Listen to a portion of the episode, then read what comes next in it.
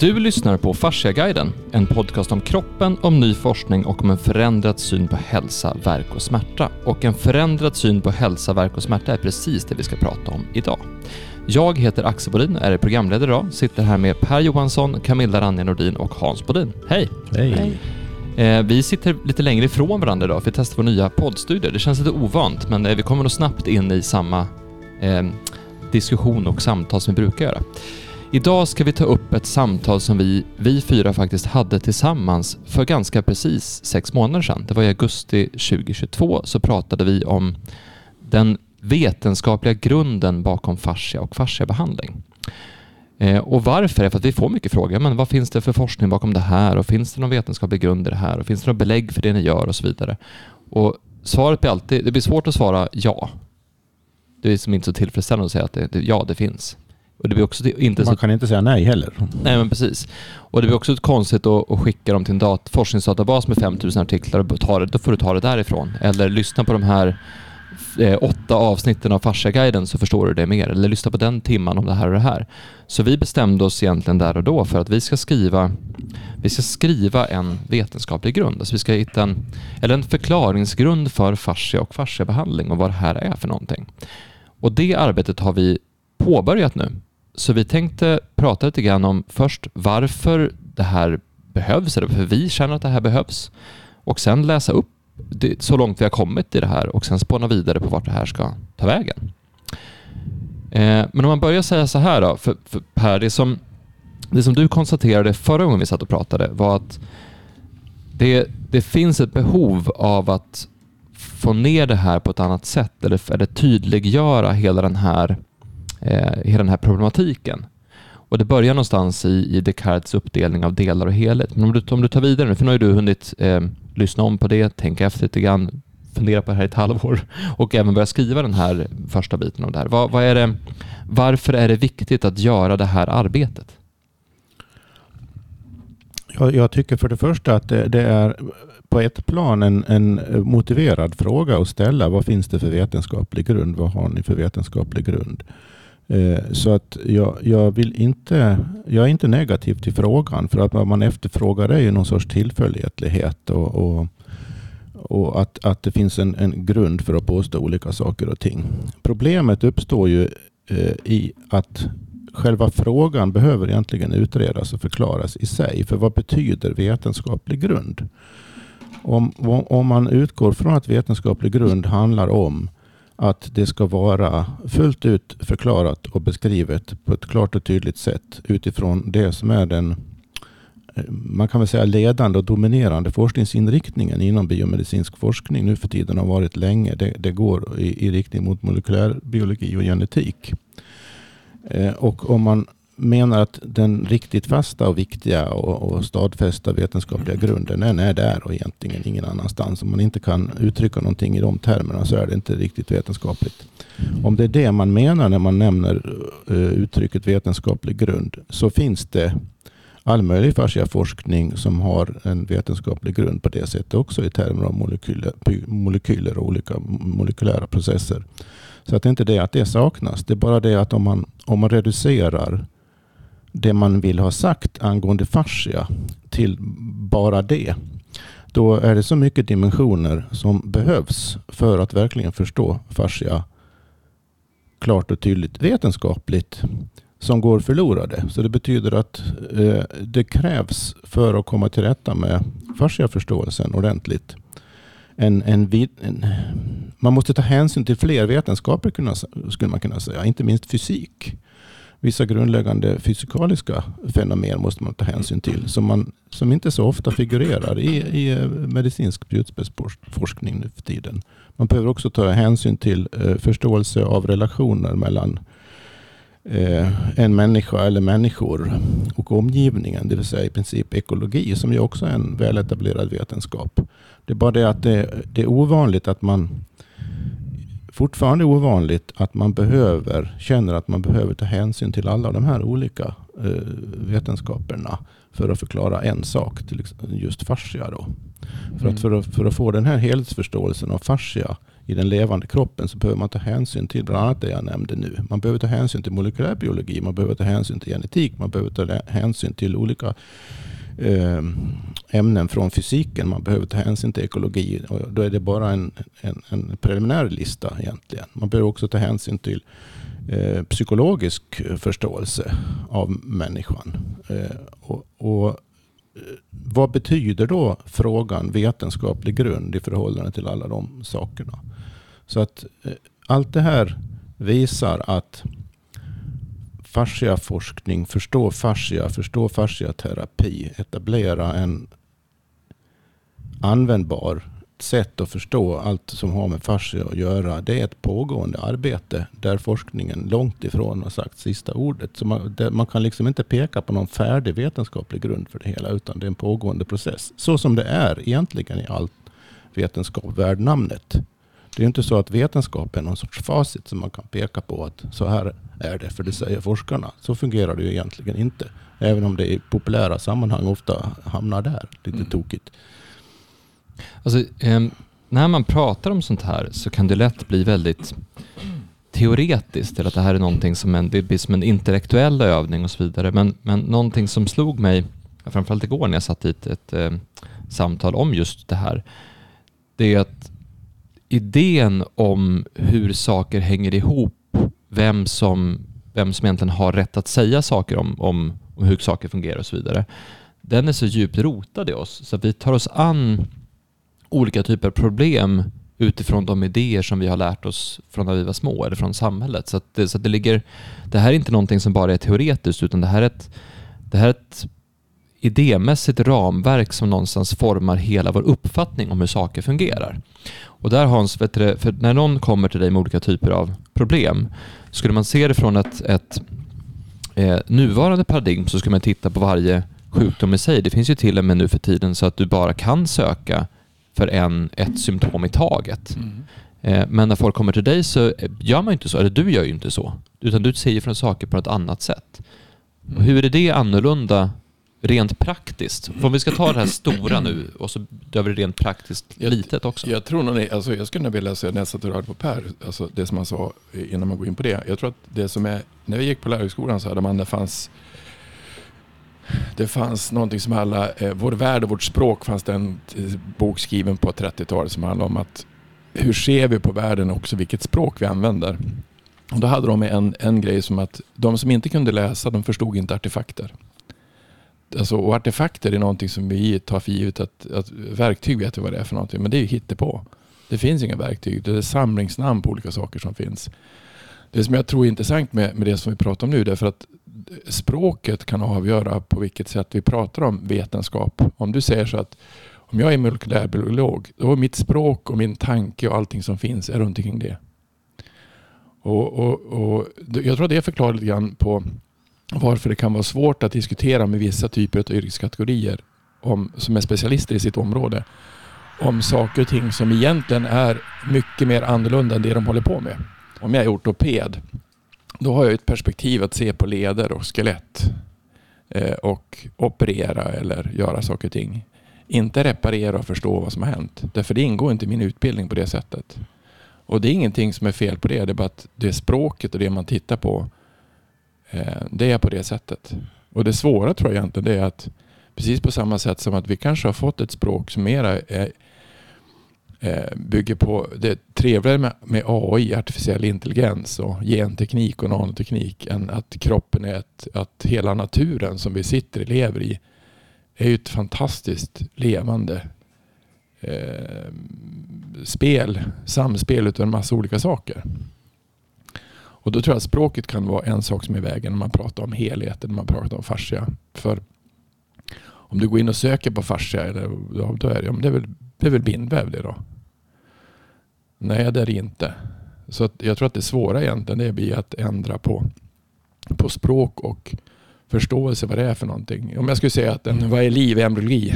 Ja, embryologi kanske är, alltså om man ska ta rent filosofiskt så är det väl Alltså det är kanske den största kärleksförklaring man har gjort om man skapat barn. Så egentligen kanske barnet är koncentrerad kärlek. Men det, det blir ett annat sätt att se på ett barn.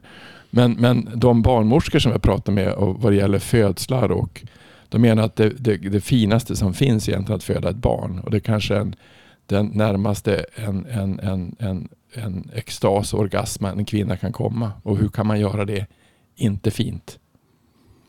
Alltså hur kan man säga att det inte är okej? Okay? Alltså, hur kan det vara problem med en sån sak? Alltså, du, du, kom, du är född av kärlek och du är skapad av kärlek. Och du är kärlek när du föds. Det är ett annat sätt att se på eh, språket och vad, som, vad, vad, man egentligen är för någonting. Men kanske mer filosofiskt kanske, fast det är inte det heller. Nej, men inte filosofiskt på det sättet. För vi, vi pratar mycket om det i andra avsnitt och vi kommer prata mycket om det framöver. Just det här med vilken grundprincip ligger bakom det du bygger upp. Om du tar grundprincipen eh, ekonomisk tillväxt till exempel, så kan ju det vara en sak som är positiv i att det föder nya idéer, det föder nya företag, det föder nya, eh, nya, eh, nya bekvämligheter och nya möjligheter för folk och så vidare. Men det kan ju också finnas en baksida i det, att den, den kan bli den idén, principen i sig kan bli hänsynslös, som vi har nu med odling till exempel. Att om odling görs utifrån ekonomisk tillväxt så odlar vi mat som är billig och näringsfattig och mm. som ska hålla länge. Men inte mat som vi egentligen mår bra av eller som smakar gott. Mm. Och då har ju, då har ju den principen nästan fått ett eget liv och styrt saker från. Mm. Och det är samma sak, vi pratade lite grann om, om förlossningsvården, om principen är, grundprincipen är inget barn ska dö mm. vid förlossningen. Eller om det är förlossningen ska bli så fantastisk som möjligt. Så är det olika du kan nå fram till samma eh, mål men det är olika vägar dit och de vägarna formar hur allting annat byggs upp kring det. Och därför blir det här intressant att titta på. För det här är inte bara, principer är inte bara någonting som, som är ord på en vägg eller som är liksom någonting vi pratar om utan det speglar ju allting vi gör precis hela tiden. Mm. Och du Camilla titta mycket på, på just, innan vi kommer in och börjar läsa upp över saker, så, så när du började titta på fascian som, som flöde, mm. då förändrades mycket i hur du såg på hela kroppen, eller alla system ja. egentligen. Ja. Och du kan, om du berättar lite mer om det, vad, vad var det som hände? Varför blir det så annorlunda att se det här levande flödet i en kropp? Rent, rent eh, anatomiskt, fysiologiskt, forskningsmässigt, vad drar man för slutsatser om man ser flödet? Äh, jag vet inte. Det, det, var, det var väl kanske ett par år sedan då när jag kom med det där med, eh, jag vet inte vilken forskning. Det var väl Melody Schwartz och, och TIS framförallt, tror jag. Neil TIS. Som pratade flöde. Eh, och, och, skrev, och skrev om det. Men jag lyssnade ju mycket på. Det var ju det som var fördelen med, med covid och pandemin här med 20. Att det var så mycket online-event. Eh, och det var väl då som, tror jag, som det här med flödet liksom eh, dök upp. Att fascia är inte bara det här kollagennätverket. Utan fascian är det här flödet och som de flesta forskarna nu säger då. Japp van der Waal till exempel. Som pratar, han är ju då fasciaforskare och eh, embryolog framförallt. Han pratar ju hela tiden om att, att eh, fascian är the fabric of life. Och, och det är ju, det är ju flödet, eh, alltså hur, hur allting interagerar i hela kroppen. Alla och man pratar ju om alla molekyler som, som far i det här flödet. Och, och flödet som sprider näring, tar hand om avfall. Och det går, det finns liksom inte, när vi tänker flöde, för man tänker när man behandlar någon så, så frågar jag, ja du sätter fart på blodcirkulationen. När jag säger flöde. Men, ja, men det är inte bara blodcirkulationen, men det är det folk kopplar med flöde, det är blodcirkulationen. Och sen kanske någon också tänker lymfsystemet. Men det finns ju liksom ett flöde mellan varenda cell och mellan alla celler tvärs och. Och när Neil Tees skrev om det här 2018, tror jag den artikeln kom, så, så, så, fick han ju också liksom, andra forskare sa, ja men vadå, det här är väl ingenting nytt.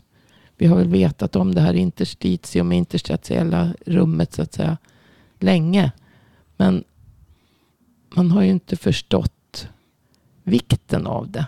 Det, det är väl mm. liksom det. Man, man, man vet att det finns, men det har liksom blivit helt negligerat.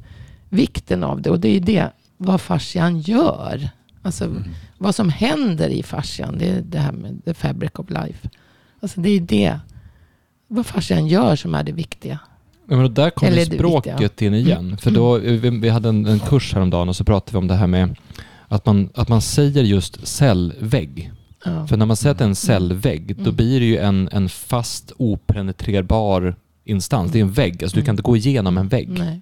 Men Det, bara viss, det är bara vissa molekyler som går, går igenom en vägg. Men där har ju också eh, Gerald Pollack skrivit en bok som heter The Engine of... Eh, ja, det, nu kommer jag inte ihåg. Engine of Life eller någonting. Som handlar om en helt annan teori för hur, hur molekyler och ämnen, joner, vandrar genom cellväggen. Jo, men det är där som vi vet när du Eller har cell, just... Ja. vi egentligen har inte eh, djur, vi har inte cellväggar. Det är växter som har. Vi har cellmembran. De är mer genomsläppliga. Men, men, men ordet vägg, eller orden vi använder för att förklara hur saker hänger ihop, gör ju att vi begränsar oss själva i att förstå hur saker hänger Mm. ihop. Alltså orden i sig kan ju sätta en blockering i hur vi ser saker. Och även organen blir ju liksom, organen är också avskilda enheter. Och därför så blir jag också lite störd för just det här med man pratar om fascian är ett organ. Så då har den också blivit som en, en enhet för sig så att säga. Som, fast fascian är egentligen, det är där allting händer. Det, det, det här flödet som har, det har jag väl skrivit någonstans, det, alltså det, det säger ju alla forskarna. Fascian är det enda organ, den enda vävnad som har kontakt med alla celler i hela kroppen. Så att eh, fascian är inte bara det här kollagennätverket utan Jag fascian jag är flödet. För att har du ett flöde genom hela kroppen så har du kontakt genom.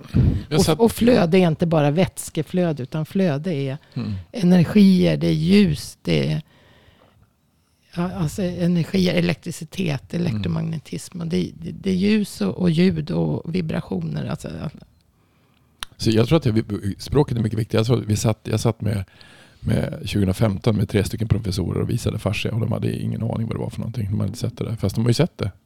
Och då sa jag att vad är det för något? Ja, det, är, det är vår tredimensionella kommunikationsgrid. Och det tyckte de var intressant. Alltså tredimensionell kommunikationsgrid. Eh, för att då, då hittar man, man, man ska hitta ett annat språk för att belysa vad det är för någonting. Alltså, det är så, jag tror vi sa det någon annan gång att om, om fascian är oändlig, om vi är oändliga, för det är vi nästan. Eh, tills vi dör. Alltså kanske vi är oändliga i alla fall. Men, men ehm, eh, när, när jag var liten när, så sa mamma och pappa att, att eh, universum var oändligt. Och det är jättesvårt att tänka oändligt. Det, var, det vart, varför, varför, varför är man här då om universum är oändligt? Alltså det, det är en jätte, jättekonstig tanke att tänka. Och egentligen är det så att det är fascinerande med, med människor. Vi är nästan oändliga. Alltså i hur vi tillverkas, hur vi görs och vad som finns runt omkring oss. Det är bara det att svårigheten är ju att, att, att ha ett sånt, vad är, vad är ordet för fascia då, organ? Ja, då blir det ju som du sa. Det blir också ett konstigt språk. Men om fascia är kommunikationsgriden där allting sker. Jaha, då, då tänker man på ett annat sätt. Ja, vänta, är det som internet då eller? Vänta, det verkar ju häftigt. Eller är det som 3G eller 5G eller är det som Bluetooth eller vad, är det, vad gör vi för någonting? Och det, och det kanske är mer så kroppen fungerar än, än, än, än ett slutet rum. För att om du tittar på, då har de också gjort ganska många försök på att, att vi, vi har en förmåga att känna saker och ting som är utanför kroppen. Alltså ögonen, nacken och det är klart att det, är klart att det finns sådana saker som man ska kunna göra, att känna saker och ting. Annars ska vi vi vill också vara det, inte, vi vill inte bara vara det prematörer eller vad, heter de, rovdjur. Vi vill också vara jagade någon gång. Men det där kan bli så otroligt, otroligt konkret och vardagligt också. För att när du, det är som du säger, de har, de har sett det här, men de har inte förstått det. Därför att hur, alltså inte menar att vara hård så att de inte förstått det, men, men hur man tar sig an saker, vilka glasögon man har på sig när man tittar på någonting, avgör vad du ser. Och jag hamnade i en, ett samtal igår om just rörelse och träning och då när jag tar mig an kampsport då blir det automatiskt med att tänka sekventiellt. Alltså först gör jag det, sen gör jag det, sen gör jag det. Men så är inte kampsport, utan allting är ett enda, en enda rörelse, ett enda flöde. Och då frågar den här personen då, men hur ska man, hur ska man träna då? Så jag sa, men du, du håller på med, med löpning. Och så sen så, vem är bäst på löpning? Och så nämnde hon någon kenyan. Hur ser han ut när han springer? Ja, det ser nästan ut som att han dansar. Ja, det var att han rör överkroppen i en, nästan som en dans. När han springer så är det som att hela kroppen är ett enda flöde. Och då är inte, då är inte löpsteget intressant, är inte eh, alltså, hur man rör armarna intressant, utan allting är en dans och ett flöde. Och det finns i andra kulturer på ett annat sätt, den här dansen och flödet i rörelsen. Och tittar man på, på kroppen som flöde och kroppen som princip så blir det en annan typ av det, det, går igen även i hur man rör sig och hur man är i vardagen. Det kanske handlar snarare om att hitta flödet i det man gör för att få kroppen att fungera än att tänka på kroppen som, som mekanik som vi nästan är vana i när det blir så här sekventiellt. Så det, det, det vi gör, det vi pratar om nu är inte bara en intellektuell konstruktion för att förstå hur saker hänger ihop, utan det här är faktiskt en, en ren och skär praktisk tillämpning som påverkar hur vi tar oss an vår kropp och vårt liv. Ja, vad vi talar om är på sätt och vis teoretiska konstruktioner med blick för hur otroligt, det är innebörden i allt ni har sagt nu, eh, är ju att eh, du pratar om vilka glasögon man har på sig. Och, och det är en fråga om vilket perspektiv man ser någonting utifrån. Det är en fråga om vilka ord man använder för att klargöra någonting. Allt det där är ju på ett sätt teoretiskt, men det, det som har kommit fram redan här nu och man måste ha i bakhuvudet hela tiden, det är att det finns ingenting i vårt samhälle som har något inflytande på den här till synes abstrakta nivån som är bara teori. Mm. Utan teorierna är aktiviteter praktiker som påverkar saker och ting. Mm. Hur, allt från hur man rör sig till vad som anses viktigt i samhället. Till varför saker fungerar som de gör. Varför mm. byråkratier ser ut som de gör. Varför vi har en sjukvårdsapparat. Mm. Och så vidare. Eh, det, det, det, det, är språket och vissa teoretiska föreställningar som ligger bakom det som vi i det dagliga livet eh, kategoriserar som praktiskt. så att säga det, det, det går in i vartannat. Så det, och, och eftersom, eftersom det är synsätten, perspektiven, sättet att uttrycka ordvalen, eftersom det är det som, så, eftersom vi är människor och så är orden så viktiga. Så att det, det är det som i otroligt stor grad bestämmer nästan, ja inte nästan, utan det bestämmer praktiskt taget omedvetet hur vi beter oss, hur vi reagerar. Mm. Mm. Så, och det är därför det är så viktigt då när, vi, när man befinner sig i en situation då man inser att någonting inte riktigt går att förklara i de vanliga termerna eller förstå i de vanliga termerna man har lärt sig.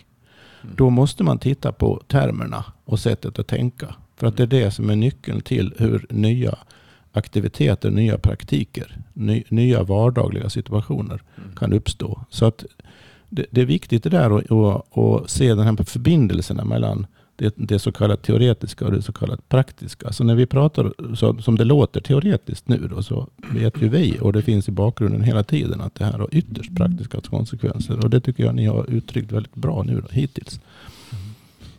Så slutligen, nu ska vi börja läsa upp vad vi har skrivit här så vi kommer mm. vidare. Men, men först ska jag bara säga att eh, en av de viktigaste förmågorna för att kunna ta sig an en sån här sak är förmågan att kunna byta perspektiv. Mm.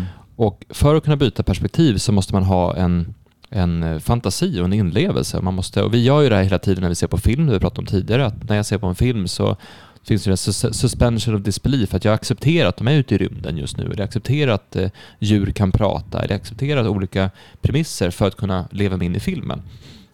Och på samma sätt så här så måste man kanske släppa vissa idéer och gå in i andra idéer och liksom ta den här mer lekfulla nivån. Det fantastiska med det här är att alla människor har haft den här förmågan. Därför att när vi var barn så var det jättelätt för oss att byta perspektiv och mm. att leka och fantisera. Så att det finns i oss att göra det här. Vi är väldigt duktiga på det. Vi är eh, extremt duktiga på det när vi väl släpper ut det. Så det är inget konst, det är väldigt naturligt för oss att byta perspektiv. Det är någonting som är väldigt häftigt med oss som människor. Eh, så nu ska vi testa att byta perspektiv och prata om det som vi faktiskt har skrivit ner. Mm. Så jag tänker att jag läser upp det.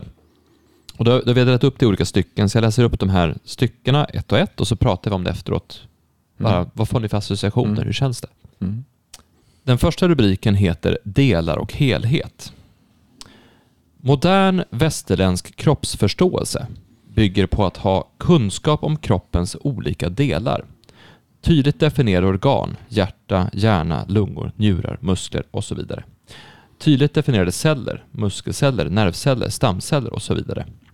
Tydligt definierade molekyler, proteiner, DNA, fetter och så vidare. Och tydligt definierade biokemiska processer, RNA-syntes, citronsyracykel och så vidare. Det betyder att man strävar efter att förstå kroppen som helhet utifrån detaljerade kunskaper om dess identifierbara delar. Man delar alltså upp allting för att sedan försöka sätta ihop det uppdelade igen i termer av delarnas, organens och cellernas olika funktioner och de molekylära processer som anses utföra just dessa funktioner. Grundantagandet är med andra ord att kroppen består av alla dessa delar på olika skalnivåer och interaktioner mellan dem. Det terapeutiska resultatet av denna forskning utgörs främst av olika kemiska substanser, så kallade mediciner, som på ett eller annat sätt ingriper i de molekylära processer man har identifierat. Paradigmet för behandling av många sjukdomstillstånd, vilka hänförs till olika kliniker beroende på vilket organ man fokuserar på, blir i stor utsträckning farmakologiskt. Vad säger ni? Jag tror, jag, jag tror, jag, det som är intressant är att det är så här när jag, när jag var i... När, jag läste ekonomi när jag började. Och då, ekonomi är ju... Det betyder hushålla med resurser. Att det ska vara effektivt. Och då läser man olika typer. Och det, man gör samma sak där. Man delar upp allting i delar. Och sen så försöker man sätta ihop det där. Och det lurar det blir mer och mer teorier och så kommer man ut i ett företag och det är inte delar, det är liv. Alltså alla människor som blev ett företag blev ett liv. Och det luriga där det var att då förstår man ju teoretiskt vart när jag skulle vara lärare så då hade jag en kurs som hette aktiekunskap. Aktiekunskap det är ju då tittar man på företag men man, det handlar också om globalt vad som händer i världen. Och så handlar det om företag. Och så handlar det om hur företaget anpassar sig till världen. Och då så sa jag åt de här, det var, det var, de var 16 år gamla som skulle få köpa aktier för en miljon spänn. Och så sen ska vi se om det gick upp eller ner. Men de ska förstå varför det går upp eller ner. Och då delade jag in dem i grupper. Så de som var, hade läst ekonomi, de var, de, alla fick ha en ekonom. Jag tänkte de kan ju mer. Det, det häftiga med det där det var att, och det här var precis 2008 när det var börskrasch. Så att jag gjorde om spelreglerna eftersom. För att eh, det häftiga var att, att de, alltså, köp inte så många olika sorters aktier. Utan köp det ni tycker är roligt. Alltså gillar ni, gillar ni eh, säd, alltså gillar ni alltså jordbruk så köp jordgubbsaktier. Gillar ni e-teknik så köp teknikaktier. Men ta det ni tycker är roligt för det är för rörigt att hålla på med för mycket samtidigt. Och Det häftiga var att de där lärde sig att förstå vad som hände med kraschen 2008 och ändra, alltså ändra fot, alltså ändra strategi i att gå ifrån att torska 40 procent av deras pengar till att vinna 30 procent av deras pengar. Alltså öka 30 procent. Och det som de gjorde egentligen det var att de fick lära sig att det, de, det var kanske den enda kurs de fick lära sig att se helhet i hela gymnasiet. För att det handlar egentligen om jag, jag, det var en gång de kom in, de, de, de var, det, var, det var precis efter att ha smält två veckor och gick ner, ner, ner. Och då sa jag att, då gick jag in och så sen så släckte jag lyset i allting. Och så sen så, så sätt er ner, blunda, andas ner. Ja. Lev ni? Ja. Vad är det som har hänt? Och det hade inte hänt någonting. Det hade inte hänt någonting alls. De hade bara förlorat en massa fiktiva pengar som inte fanns. Men vi mår inget bra nu. Mamma och pappa mår inget bra. Jag menar, visst får ni mat på bordet? Vad är det som har hänt? Och då ser man ju mycket, hur mycket saker och ting, alltså där är ju ett litet antagande som finns att det är någonting som händer utanför som påverkar oss otroligt mycket inuti. Och att det svåra egentligen med det här som är, det här är om du frågar när, när de kommer till mig och frågar om som, vad, de ska, vad som är fel. Ofta så är det, det intressanta med de som kommer som är kunder, de borde veta mer om sig själv. Alltså det var en kvinna som kom nu, ja, jag har utslag, ja. Och så sen så, har du känslig mage? Ja. När hände det? Så. Har du bytt kost? Ja. Klarar du av gluten? Nej, jag tror inte jag gör det. Blir det bättre om du inte äter gluten? Ja, det kliar inte lika mycket. Så vad är problemet? Ja, så hon visste ju vad det var för någonting. Hon visste ju vad det var som var problemet. oftast vet ju kunderna vad de har varit med om. Alltså om det kommer någon som det kommer någon till mig som hade varit med om någonting för, alltså för 30 år sedan. Varför kommer det upp? Varför dyker det upp? Träffar med, med, med mig för första gången i deras liv och så dyker det upp något som hände för 30 år sedan. Har det betydelse? Förmodligen. Så jag tror det som är det, som, det här perspektivet med delar och helhet, eller som är, det är att på något sätt har det gjort det här till, det som är intressant med det här perspektivet, det är, jag hörde någon barnmorska som sa det att den som vet absolut mest om sin kropp är mamman som ska föda. Den som ber näst mest om kroppen, kanske, eller hur den människan reagerar, det är mannen som har gjort barnet med hon. Han borde känna till hur hon reagerar.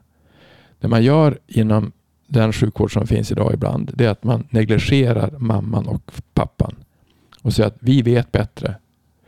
Och Det är ju så dumt så det är inte sant. För att det som jag, när jag, när jag träffar en person, så hur ska jag kunna veta någonting om den personen om jag inte frågar vad de har med om?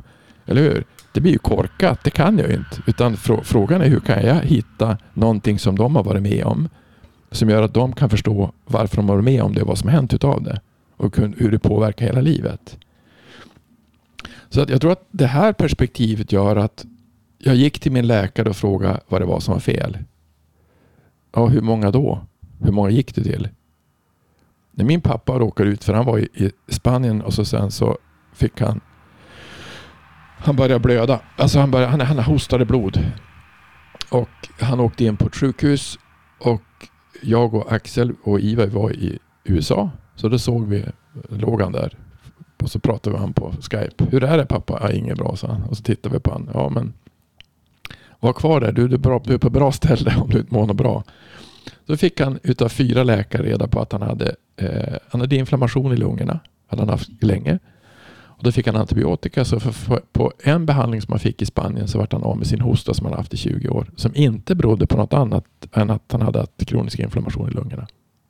Det var intressant. Sen fick han reda på att han hade ortabrock.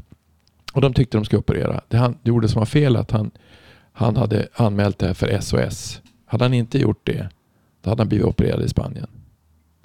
Då hade han sluppit och så kom han hem och så vart det, då tog de med sig hans, då hade de gjort en lång, en spansk utredning då, alltså på allt han har gjort. Inte skulle du tro att de läste den i Sverige. Fast det var samma läge, det var ju kollegor som har gjort det. Fyra stycken specialister som hade diagnoserat vad som var fel. Då skulle man ju ifrågasätta om de har gjort rätt diagnos. Och om det gick att göra saker. Så att det intressanta med med det här är att man kan, man kan lätt bli som min pappa var med om att han vart satt under, alltså eh, istället för att fråga vad han varit med om, vad är det som har hänt, vad kan det bero på? Så är det experterna som ska uttala sig om vad jag varit med om. Och det är ju det som är det tokiga i den här... Och var och en expert uttalar sig om sitt expertområde och det finns ingen, eh, femte person som ser någon helhetsförbindelse mellan det, Nej. det hela. Därför att, därför att i det här perspektivet så blir det ju, om, om det är så att man strävar efter att förstå kroppen som helhet utifrån detaljerade kunskaper om dess identifierbara delar, som står här, då blir ju specialistkunskapen om varje del väldigt, väldigt central. Och då blir man ju väldigt duktig på att förstå just precis den delen. Eh, för jag hade också en, en vän som berättade att de hade legat inne ganska länge på eh, efter förlossning för att traumatiskt och så vidare. Och då har ju de varit där och de har haft en diskussion med olika personal som varit där och haft en förståelse för hur just deras situation är och sådär. Och så sa han det var så irriterande för att då kommer in en person som liksom ska berätta för oss hur vårt barn är och ja. hur vi har det, som aldrig har träffat oss. Och det blir som, det blir som tråkigt, alltså, och då har ju hon läst, den här personen mm. som kom in, har ju läst rapporten, hon har läst journalerna, hon har läst eh, om det här typen av problematik och sådär, men men från att man har en teoretisk förståelse för problematiken så kan man därifrån dra slutsatser om just deras situation är. Och mm. det är ju ett symptom på det här sättet att tänka på. För den personen gör egentligen inget fel utifrån sättet den personen är utbildad på och hur den personen är, är eh, vad ska man säga, inte upp, uppfostrad egentligen av, av de system som finns. Men, mm. men det blir ju, det blir ju det blir ju tokigt, det blir ju konstigt approachen som vi har här, att vi har då en, en förklaring, delar och helhet, hur man traditionellt ser på det. Och så kommer stycke nummer två, eller del nummer två. Ny forskning om fascia visar att detta fokus på enbart delförståelse inte räcker till för att förstå fascians roll i kroppen som en levande helhet. Även om fasciaforskningen också ofta tar avstamp i forskning på cell och molekylnivå så har man alltmer insett att kunskaper om den nivån i sig inte räcker för att förklara vad fascian gör. Inte minst viktigt här är att fascian är integrerad i och mellan kroppens olika organ utan de sedvanliga gränser mellan olika kroppsdelar och delförståelseparadigmen tar för giva, som, som delförstående paradigmet tar för givna. Detta leder till att förståelsen av fascians roll i kroppen kräver att man fokuserar på helheten som sådan. Därför nödvändiggör fasciaforskningen och nya behandlingsmetoder i samklang med denna ett paradigmskifte vad gäller förståelsen av kroppen. Detta i sin tur medför att andra naturvetenskapliga discipliner får relevans för den nödvändiga helhetsförståelsen, till exempel studier av elektromagnetism, av flöden och av tryck, alltså grundläggande fysik snarare än biokemi. Forskning grundad i förståelse av ekologiska processer, förhållandet mellan organism och omgivning, blir också medicinskt mer relevant än om man utgår från delförståelser. Mm. Det var kristallklart.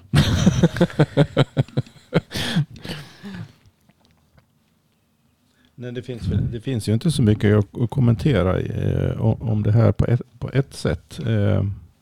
Vad det handlar om här är ju, vad vi vill åstadkomma med det här dokumentet är ju att koka ner det till en serie klara och tydliga formuleringar som vi med vår kunskap och erfarenhet känner är adekvata för att fånga in det här. Den här frågeställningen, vad finns det för vetenskaplig grund för fascia? Och inte bara det, utan också att problematisera själva den vetenskapliga grunden i sig. Det är ju det det här avsnittet handlar om. Att mm. det finns två olika vetenskapliga perspektiv. Och det är verkligen bokstavligen vetenskapliga perspektiv. Det, är, det, är inte, det ena perspektivet är inte mindre vetenskapligt än det andra. Mm. det ena perspektivet är det här som grundar sig på en väldigt detaljerad delförståelse av saker och ting. Det är definitivt vetenskapligt och det är värdefullt på alla möjliga vis. Mm. Men sen finns det det här andra perspektivet som fokuserar mera på helheter och försöker förstå samband mellan saker och ting. Hur det hänger ihop och hur helheterna relaterar till varandra. En organism är ju en helhet. Organismens omgivning, det ekosystem den lever i, är ju en helhet. Mm. Eh, precis som samhället är en helhet som vi som enskilda människor lever i. Och det går riktigt inte att säga var det ena slutar och det andra mm. börjar. Och det finns olika vetenskaper som studerar just de sakerna. De är inte ett dugg mindre vetenskapliga än vad molekylärbiologi är. Mm. Eh, så, så, och, och, det är en fråga om perspektiv. Och den utmaningen här som fascian sätter fingret på. Det är därför fascian blir så intressant som eh, eh, att uppmärksamma just det här. Att, att för att förstå fascian så måste man på något sätt eh, utveckla ett eh, tänkesätt som innebär att man allt efter vad frågan är i, i, i olika fall kan skifta mellan de här perspektiven. Mm.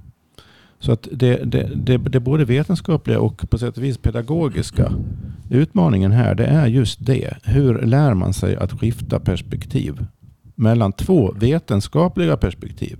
Hur lär man sig att skifta mellan dem på ett sätt som är eh,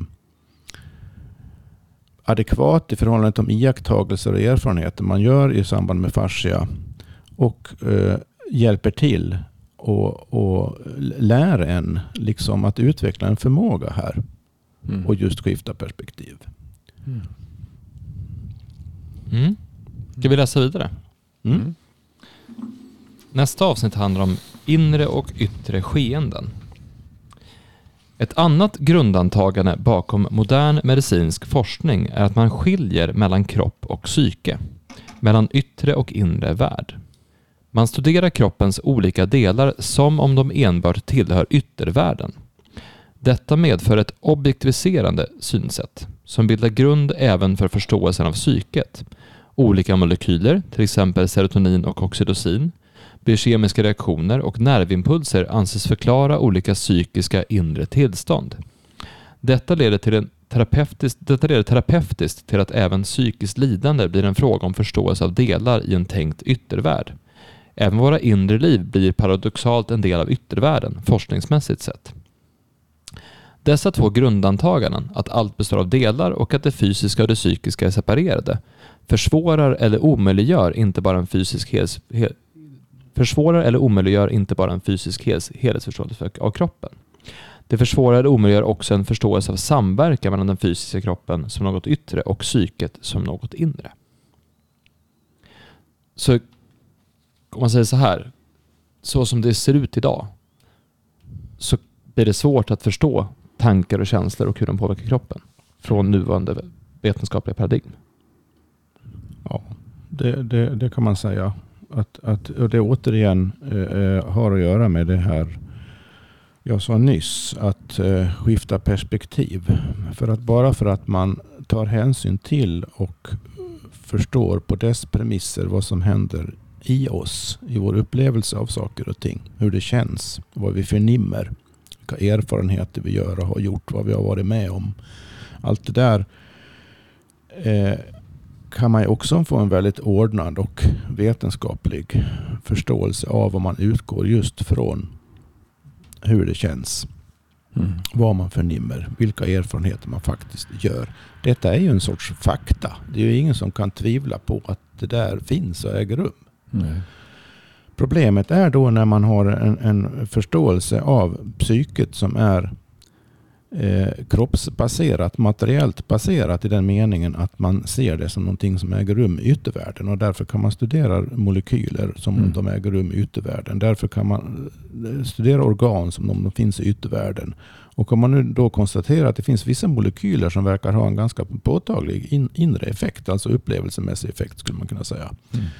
Eh, då, då säger det här eh, externa, objektiva, objektiva perspektivet säger då att det är de här molekylerna som förklarar varför du känner dig som du känner dig. Mm. Eh, och det, det, blir egentligen lite bakvänt. För att då ogiltigförklarar man implicit, alltså underförstått, man, man ogiltigförklarar det du själv kan erfara och förnimma och dra slutsatser av mm. hur det känns. Mm. Eller om du pratar med någon annan som verkar ha känna och uppleva samma sak. Och så pratar ni om, om det. Då säger, enligt det här förklaringsparadigmet då som kräver att, det, att man baserar förklaringar i en förståelse av vad som man tänker sig är yttre företeelser. Det, det, går inte att få ihop det. Ja. Mm. Så, så det, det, finns en paradox här. Hur, att, att i, i, i vårt samhälle idag i allt högre grad så försöker vi förstå hur vi känner oss genom att studera hur någonting som antas på, pågå i yttervärlden går till. Vilket, vilket får den, jag, jag, jag tvekar inte att säga, groteska konsekvensen att våra egna kroppar är en del av yttervärlden fast vi lever i och med dem hela mm. tiden. Mm.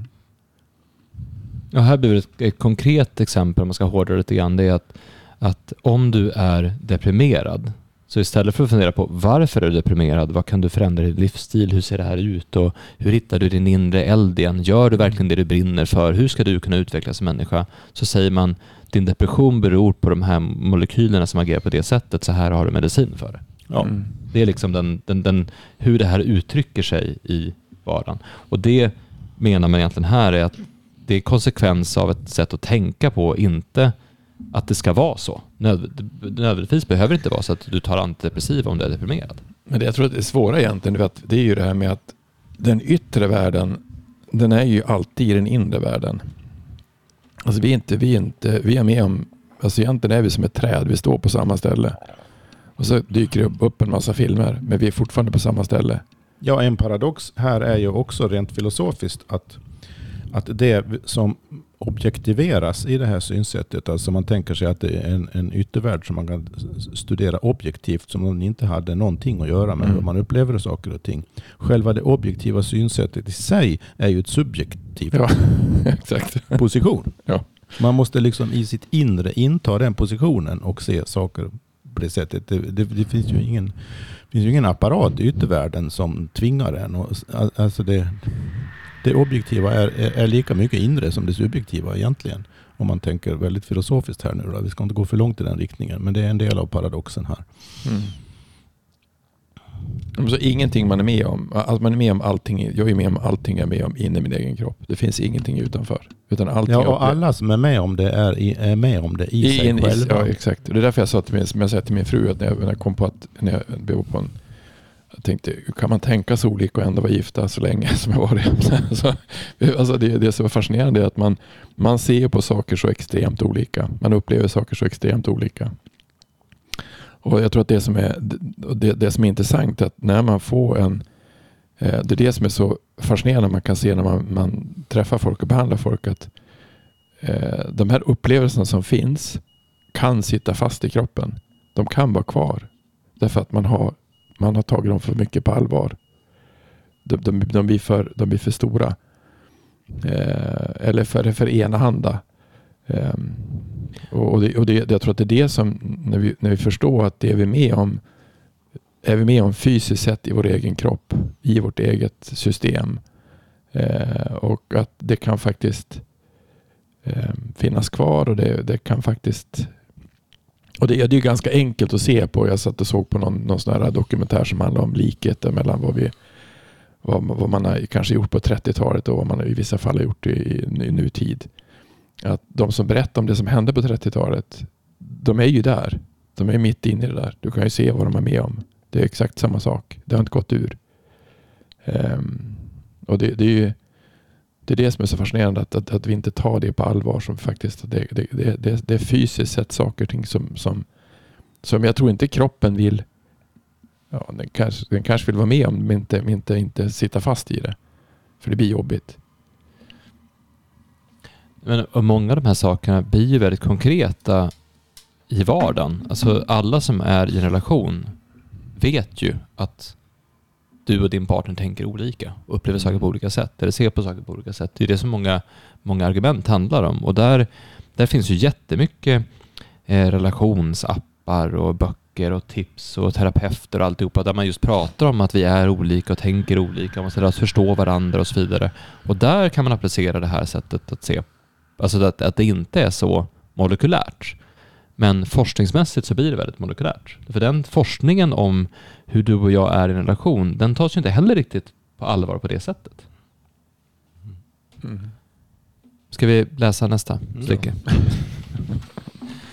eh, Även här blir den framväxande nya förståelsen av fascians roll i kroppen viktig.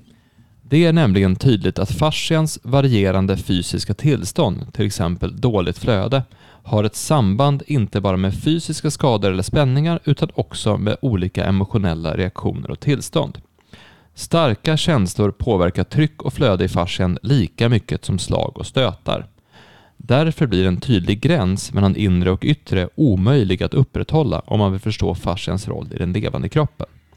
Eftersom fascian är gränslöst spridd i hela kroppen, eftersom dess funktioner därmed inte är lokaliserade till någon del mer än någon annan och eftersom levande fascia inte är skillnad på inre och yttre, utgör den i praktiken kroppens helhetsorgan. Således är det ingen tillfällighet att fasciaforskning och fasciabehandling bidrar till att grunden förändrar den västerländska synen på kroppen och människan.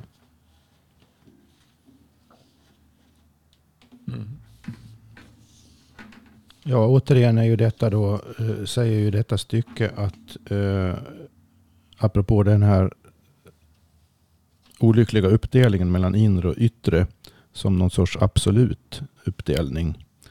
Återigen visar ju då fascia förståelsen i praktiken och även teoretiskt i forskningen och experimentellt i forskningen visar att det går inte att upprätthålla den här åtskillnaden mellan in, inre och yttre. Man behöver på något sätt och här är det kanske inte egentligen så mycket fråga om ett perspektivskifte utan ett...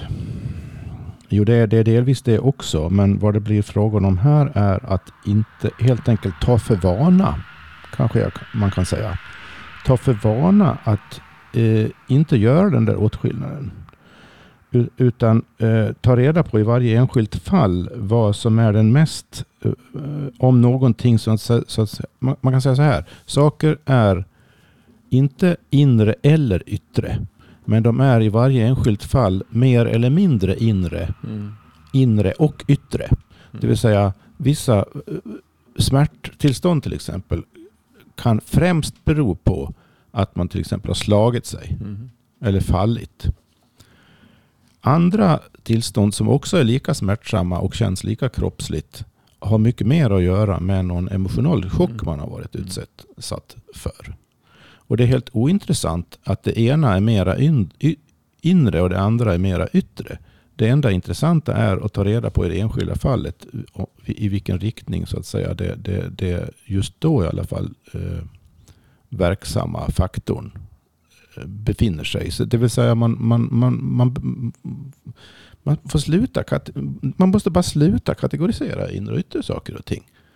Och, Mm. och, och konstatera vad, vad den enskilda situationen innebär för just den människan just då. Mm. Så typ så här, vad påverkar flödet mest för ja, dig? ja, alltså För om man dig. fokuserar just på flödet Ja. så kan man inte säga att flödet beror, ja men det beror bara på yttre saker.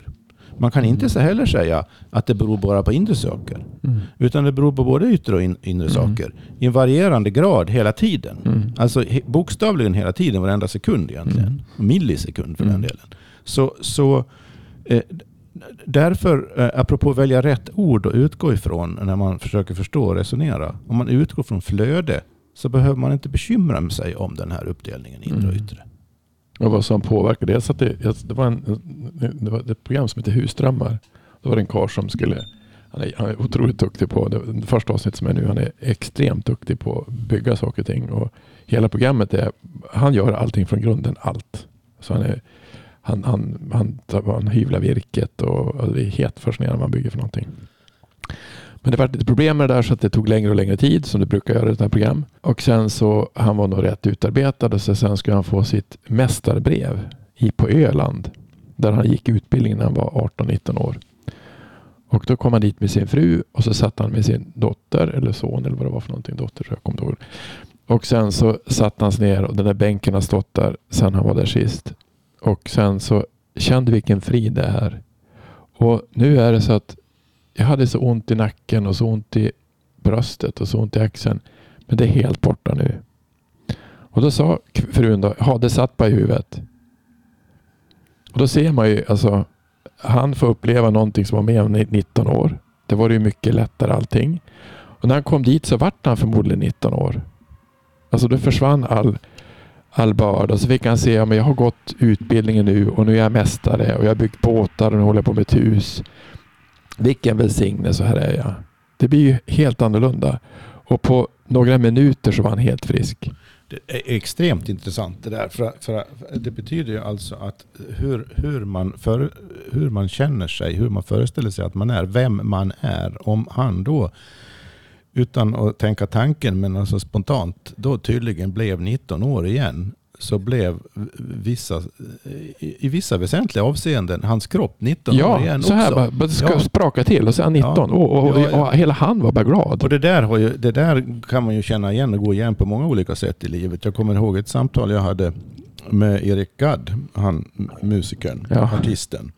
Eh, då, då han berättade att för att få inspiration och energi vid något visst tillfälle i sitt skapande så, så eh, föreställde han sig och riktigt levde sig in i att ja, men nu är jag 17 år igen. Och då började det sprudla något jäklar i dig. Och så kom han på, fick han liksom, fast han är ju betydligt äldre nu Ja. för tiden då, så, så fick han liksom tillgång till de ener- energierna. i det. Det, är ju det, det är, det är samma sak då, Mm. fast inte på något annat område av en annan. Men jag tror jag berättade- det där kan vi ju var och en lära sig mycket av. För det, det är liksom fantasins makt, ens egen föreställning om, om, om sig själv som man faktiskt kan påverka ganska Jag, jag mycket. tror jag var med på det gäller bara att släppa loss, Ja, exakt. Jag var inte med på hämma sig. Ja, jag var med på här återträff på, eh, nej, det är jättelänge sedan, på när jag var 20 år sedan jag gick ut gymnasiet. Och all, ingen ville gå och lägga sig och sova. Jag var ju fan 40, jag var ju 40. Och alla skulle vara uppe till fem, för det var man ju då. Det var sjukt, jättehäftigt. Nej, tre år kanske var uppe till. Så det är också samma sak. Det vart ju alla, alla vart ju 18 eller 18 igen.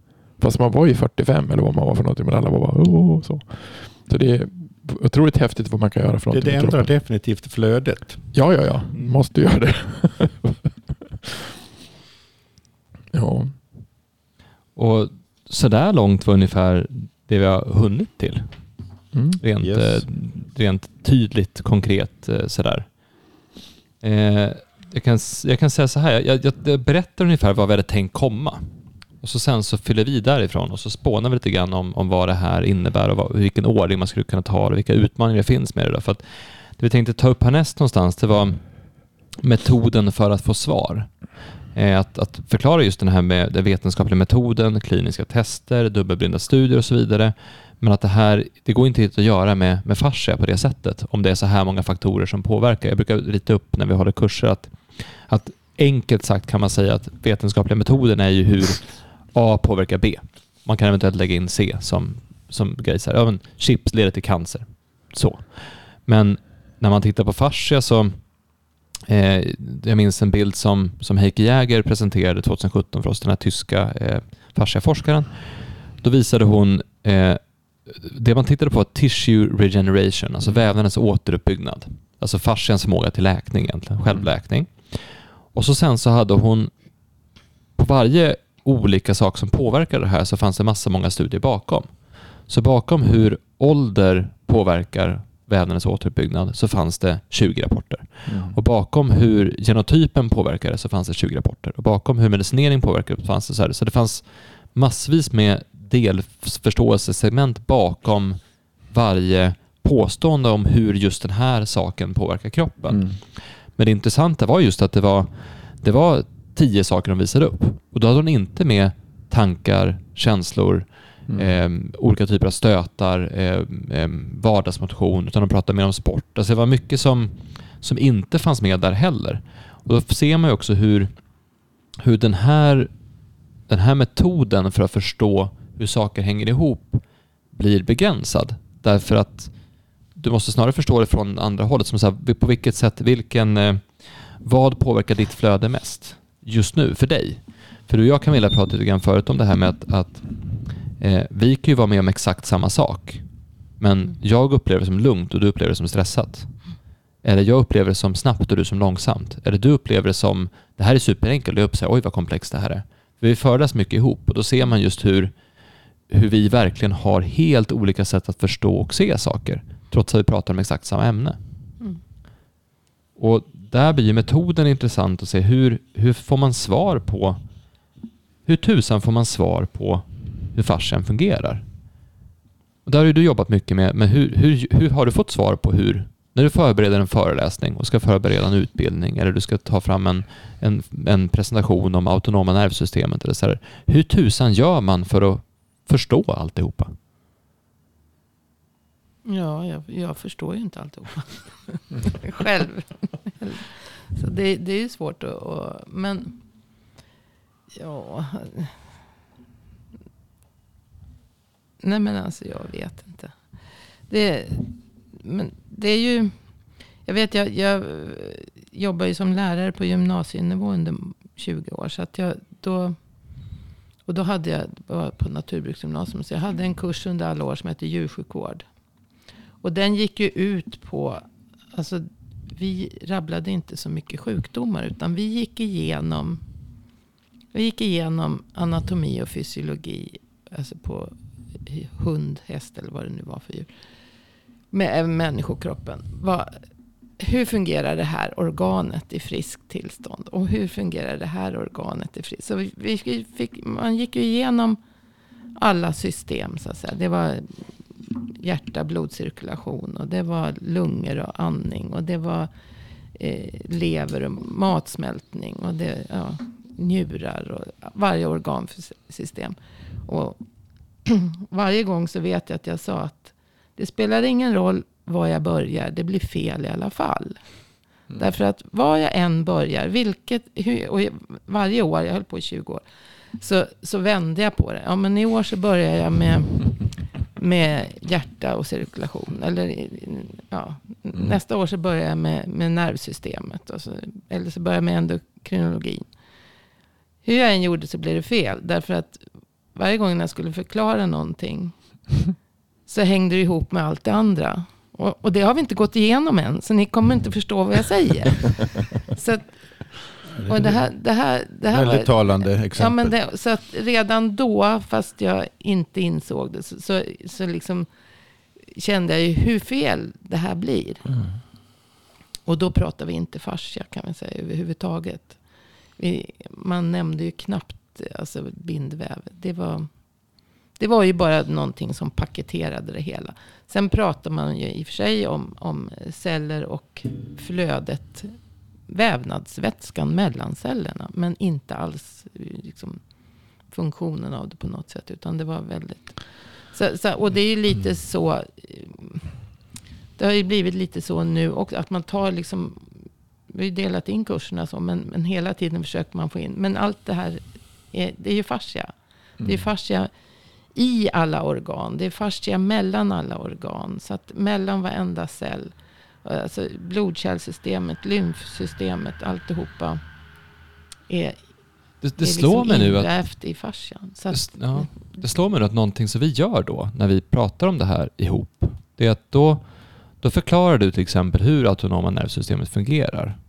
Och när det blir riktigt bra, det är när jag då tar den, det du har sagt, och så sen så eh, ber jag de som tittar på det att känna det. Mm. Alltså man tar att känna det och tänka in det i en, ens vardagliga liv, ens vardagliga upplevelse. Alltså man pratar om, vi pratar om, om stress till exempel och hur stress aktiverar det, det sympatiska nervsystemet och när man är stressad är det svårt att komma ner i det parasympatiska nervsystemet som då bygger upp kroppen. Och när man då pratar om det, då funkar det bättre att då säga så här, okej, nu stannar alla upp och eh, andas. Alltså Mm. andas, slappna av, titta ut i naturen, tänk på någonting trevligt och få in den biten. Känner ni nu hur kroppen är på ett annat sätt? För då blir ju känslan och upplevelsen av det blir ju mer det gör att kunskapen landar på ett annat sätt och man förstår att det här, är inte, det här är inte sidor i en bok. Det här är inte en teoretisk förklaring om någonting objektivt utan det här är en förklaring om mig, alltså hur jag fungerar. Mm. Och jag tror att den, den kombination, för vi, det, här, det, här, det här är inte skrivet nu då, den här delen. Det, nu spånar vi. Mm.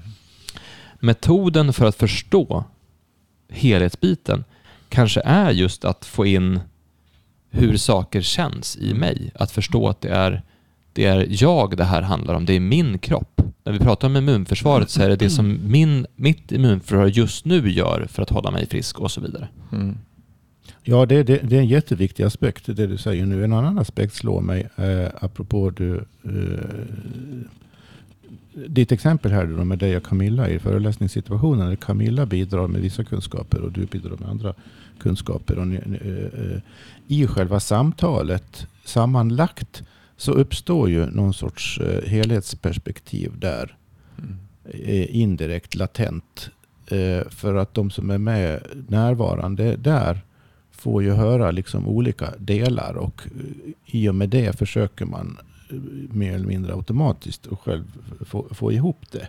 Och om framställningen då från, från dig och Camilla eller det kan vara vilka andra som helst egentligen som är liksom inriktade på att försöka ringa in någonting lite mer helhetsmässigt tillsammans. Effekten blir ju då att eh, den, den som deltar i det där, både de som pratar och de som lyssnar, eh, börja pussla ihop saker och ting. Jag tror det, det kan vara en, en, en metod faktiskt eh, för att eh, börja etablera hur man kan nå fram till någon sorts helhetsförståelse utan att göra våld på eller glömma bort alla de här olika specialiserade förståelserna.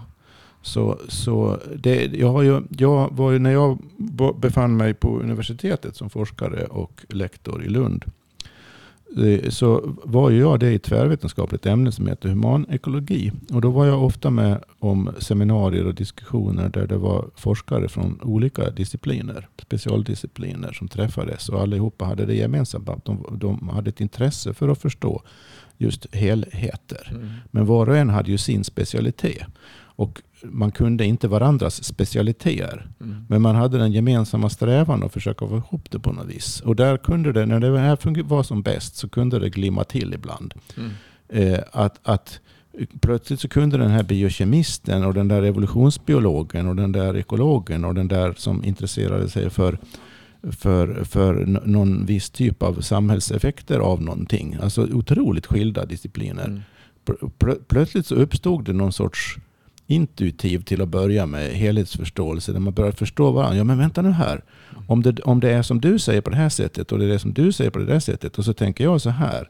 Och hur relaterar det där till varandra? Då, då, bör, då, bör, då, då kunde man i sådana situationer börja spåna fram eh, någon, någon sorts helhetsbild som alla kunde känna av. Men som inte var så lätt att bara liksom formulera rakt upp och ner. Och det där är ju bara ett väldigt initialt skede, ett, liksom bara ett begyn sorts begynnelsestadium att börja uppnå en sorts gemensam helhetsförståelse. Men om, om, om man tänker sig att sådana möten, sådana fokuserade diskussioner skulle äga rum gång på gång på gång, hela tiden, överallt. Mm. Som både alltså tar tillvara specialistkunskapen men som har strävan att få ihop det på, no på något sätt. En gemensam strävan. För jag, jag tror att det, en nyckel här är att det måste bli tillkomma en, en social dimension här. Mm. I utvecklandet av, av helhetsförståelse. Det går inte att, att paketera den på samma sätt som specialiserad förståelse. I, i eh, klart eh, definierade formuleringar och, och eh, rapporter och uppsatser och så vidare.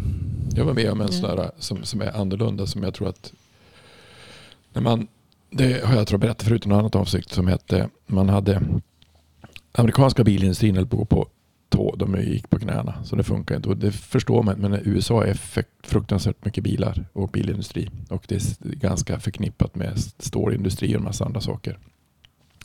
Och det var 84 och då var, höll Japan på att ta över hela USA med bilar. Och då studerar man vad japanerna gjort som är, för att de hade, det, det, jag vet några är lika gamla, men Made in Japan på 70-talet, det var inte så bra. Så det var dålig kvalitet. Och så fick man fantastisk kvalitet och man gjorde till och med lyxbilar. Och det visade sig att man har tagit en amerikan som heter Baldrige och han hade sagt att vi alla måste förstå total kvalitet. Och det gjorde man ganska enkelt. Men det man fick göra sen när man skulle försöka göra det i USA, det fick man göra lite mer komplext. Och vi gjorde det i Sverige också. Och det man gjorde egentligen det var att man tog fram grundläggande värderingar på hur, vad är bra kvalitet. Och de är ganska flummiga eller ganska filosofiska. Så ständiga förbättringar. Och, eh, alltid lyssna in folk och kunder och sådana saker. Det är 13 stycken grundläggande värderingar. Och det där var väl bra, nog bra, när man gjorde det. Och sen, men sen som man gjorde då fick man, ja man gjorde det på Ericsson, då fick man skriva ihop, alltså ni kan förstå hur mycket grejer som Ericsson gör, det är, mycket, det är jättekomplext och jättemycket ingenjörer. Men på 40 sidor skulle man skriva ner vad hela Ericsson gjorde. Fast nu gjorde vi en, en division fast vi jobbade med hela Ericsson. Det intressanta med det, det var att när vi gjorde det så processen när skrivandet var igång gjorde att de som var med i processen och när de presenterade helhetslösningen, alltså hela bolaget såg ut, då förändrades all syn på vad man egentligen gjorde för någonting. Så att på något sätt så, jag tror att metoden måste nog vara annorlunda. Den måste vara eh, mera börja på ett filosofiskt plan kanske. Vad är ett liv? Alltså ganska enkelt. Som jag sa, liv är kärlek. Det var ju lite filosofiskt då, men det är ju det. Och sen rörelse. Och så, vad är det som hindrar min rörelse och mitt liv? För det är ju annorlunda. Och den som jag tror man måste mer ha, som du sa, istället för patient måste man ha aktör. Hur ska du aktivera dig själv? Vad ska du göra för någonting? Både fysiskt och psykiskt. Men jag tror att metoden är inte det som egentligen, exempel som jag tog nu. Om man ska, det som hände först när vi skulle beskriva de här processerna som fanns, det vart ju skitkomplicerat.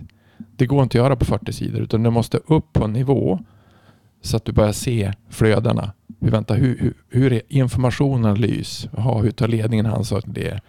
Vad gör vi för någonting? Vilka processer gör vi? Hur utvärderar vi processerna? Hur är kunderna med och säger till om vi gör rätt saker eller inte? Hur påverkar det ledningen? Hur, vilka är närmast kunderna? Det är medarbetarna. Så i den här, den här versionen som fanns så var medarbetare och kunder, det var 70 procent av alla poäng som fanns. Interaktionen mellan medarbetare och kunder. Och kunder och medarbetare är ju, det, kunder vi lever av och medarbetare är de som gör det. Det är inte säkert att ledningen var intressant alltså, och då, då, ser man ju, då ser man, då har man gjort, lyft en modell, alltså gjort en modell som är väldigt, brukar vara väldigt eh, hierarkisk till att bli mycket mer platt och mycket enklare. Och, och det där är ju ett jättekomplicerat system som jag vill titta på om vi skulle kunna göra enklare. Jag tror att man måste hitta ett system som är enklare. Jag tror att, för att det som är grejen är att kombinationen av det du sa, Per, Mm. och det du säger nu Hans, och vad vi har försökt göra de senaste åren. Det kan vara så att, att för jag tänker på, om du nu har eh, fem stycken specialister som är jätteduktiga på specialistkunskap. Alltså, vi säger att Camilla, du är superduktig på att förstå detaljerade processer i kroppen. Eh, om du ska sitta och eh, prata om det samtidigt som det sitter någon som kan något helt annat. Då behöver ju du lära dig att träna på att formulera det på ett så enkelt sätt som möjligt så att den du pratar med förstår vad du säger. Du måste översätta den här komplexa kunskapen till en enkel förklaring Ja, det, utan att tappa djupet i det Mm. och samtidigt visa på att okej, det är mer komplext än så här, men den enkla förklaringen är så här. Och då, då tänkte jag på, vi, vi har ju gått massvis med olika kurser och det är tre stycken amerikanska bolag framförallt som har som vi använt för att förstå enkelhet.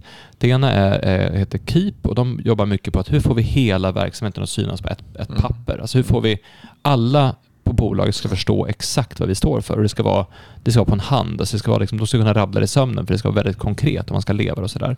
Och så har vi ett bolag som heter Six Division som jobbar med, med automatisering och processer och system. Och de har gjort en, en övning som egentligen är att du kan förklara hela bolagets eh, syfte, verksamhet, produkter, tjänster, alltihopa på ett papper. Mm. Och när man använder den, den strukturen och den modellen, då blir det just att du får bort alla floskler och får bort all komplexitet och så blir det exakt vad gör vi? Vad är poängen med att vi är här?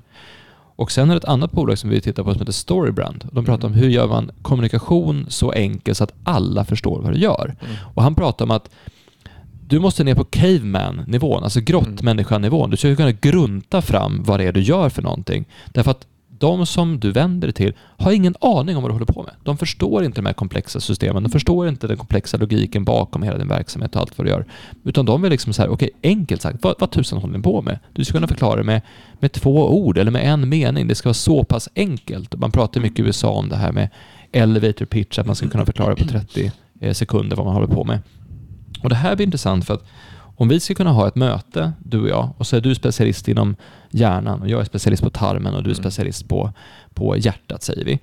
Då måste du kunna ta de här komplexa delarna, förklara det på ett enkelt sätt så att alla vi förstår och sen göra det som man egentligen kanske inte tycker är värt så mycket, men knyta det här till, till anekdoter, alltså Mm. knyta det här till mitt liv ja, ja, men jag får komma in där så det du säger nu är, är en ingrediens i det hela när specialister möts eh, och gemensamt vill förstå någonting som man har gemensamt. Och det är ju just helhetsförståelse närmast per definition då. Eh, Då behöver i viss utsträckning var och en kunna förklara vad man håller på med. Men det, den, de förklaringarna i sig hjälper inte helhetsförståelsen ett enda dugg. Mm. Utan det som hjälper helhetsför, alltså det är en viktig del av den sociala interaktionen här. Att, att man lyssnar på varandra, att man respekterar på varandra, att man lär sig någonting av, av, av varandra. Och det, det, den ingrediensen finns alltid i min erfarenhet när jag var med om såna här, ganska många sådana här tvärvetenskapliga, bokstavligen vetenskapliga, tvärvetenskapliga eh,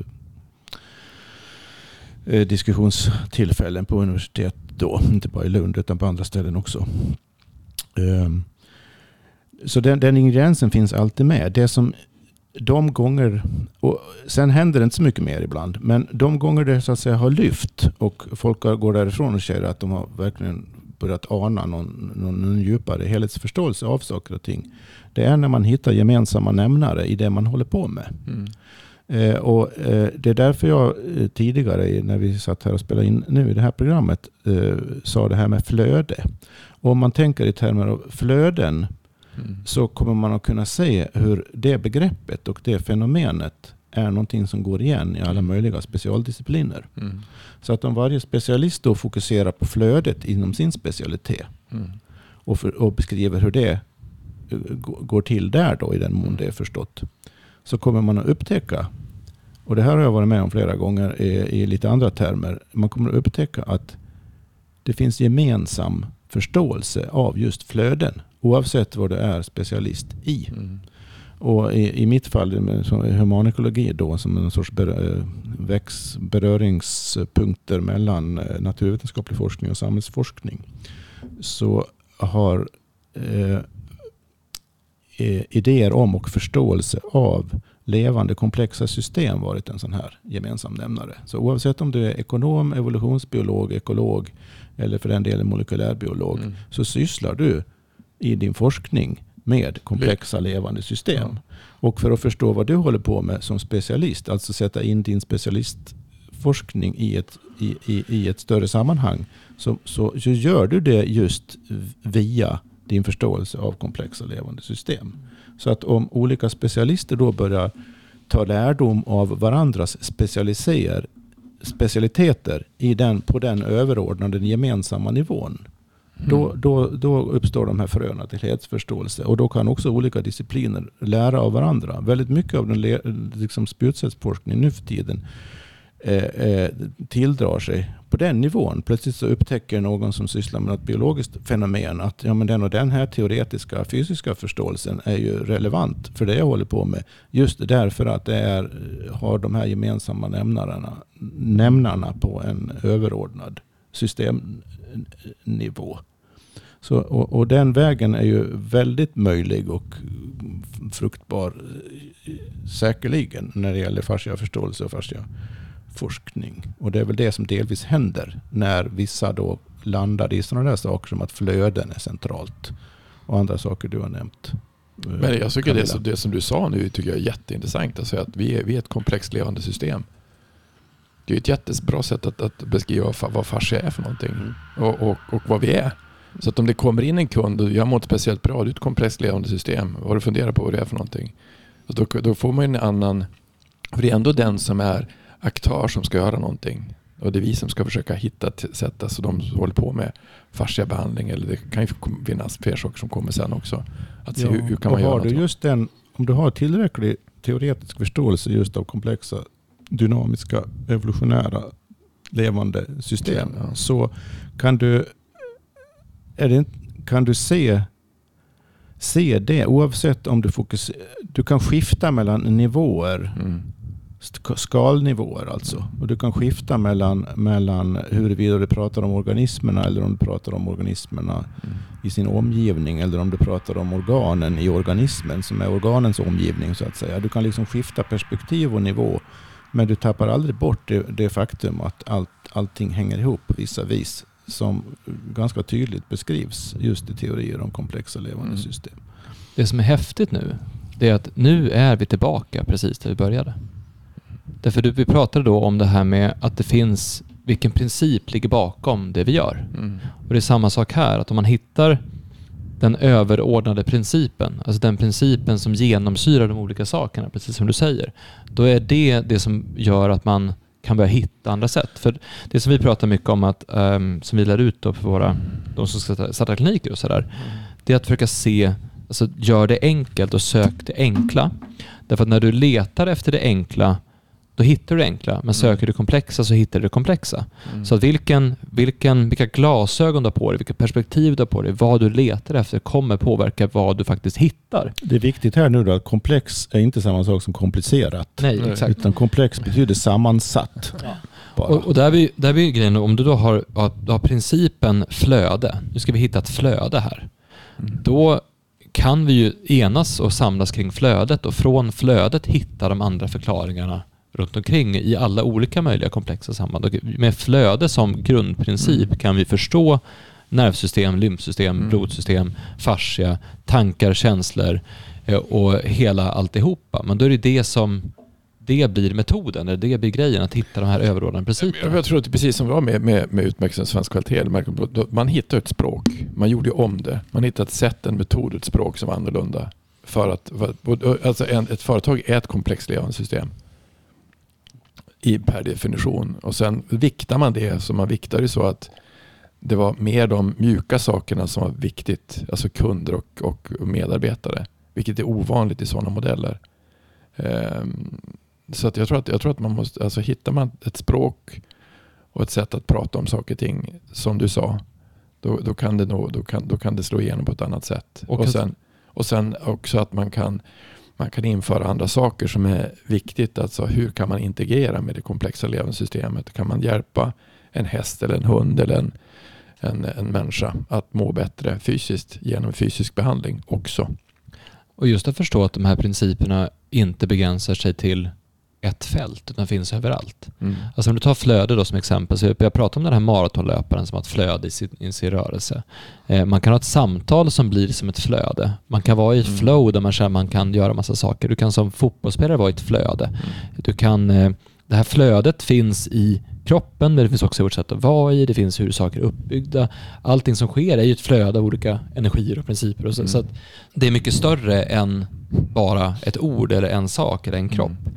Och någonstans tänkte jag så här, för att vi, vi har suttit och pratat en stund nu. Mm. Eh, det som, det som, vad, vad det här innebär någonstans, det är alltså kontentan av allt vi har pratat om, är att hela vår förståelse av kroppen bygger just på, på delar, objekt, uppdelning av inre och yttre. Man, man, man har statiska strukturer, man ser organen som separata, man försöker förstå det här genom att specialisera sig på delförståelsen.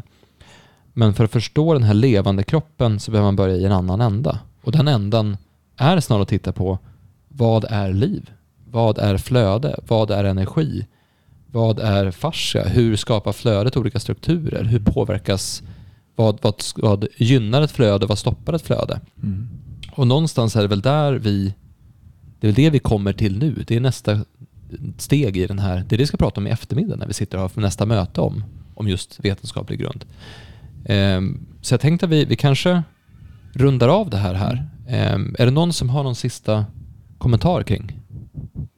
Vad säger du Camilla? Flöde? Nej, men det är flöd. Alltså, det är ju flödet som är, binder ihop alltihopa. Och det, det förstod inte jag då när jag hade min kurs i djursjukvård. Eller jag förstod mig kanske, men, men inte på det sättet som... Och det är det, det man har glömt bort. Det är hur allting Ja, eh, kommunicerar mellan, mellan eh, att flödet är viktigt för kommunikationen och eh, Svårigheten som kan drabba en här då, det är, det, är, det är ju att om man är van att tänka i fasta delar och fasta begrepp och, och, och fast uppdelning inre och yttre och, och fasta organ och så vidare. Eh, om man är van att tänka så, så finns det inte så mycket flöde i själva tänkesättet. nej. Så, så det, det- är en del av, av, den, av svårigheten många ställs inför här nu. Att man, man kan inte förstå och tänka på flöden eh, med de associationer man Nej, har lärt För sig. det blir, det blir enskilda organ med en tomhet emellan. Just. Och sen är det bara det blodkärlsystem som så att säga kopplar ihop. Och eventuellt ett lymfsystem också. Om, det hade jag faktiskt med också. Men, men annars blir det ju bortglömt ofta. Men däremellan är det tomt. Utan det, ja, det är ungefär som det skulle vara tomhet mellan våra vägar och husen. Eller liksom, vägarna går till varje hus. Och till, men parkerna emellan fungerar inte. Eller de finns inte. Så tänk flöde blir dagens eh, uppgift. Ja, ett, ett, ett, ett flöde åt alla håll. Inte bara i kanaler.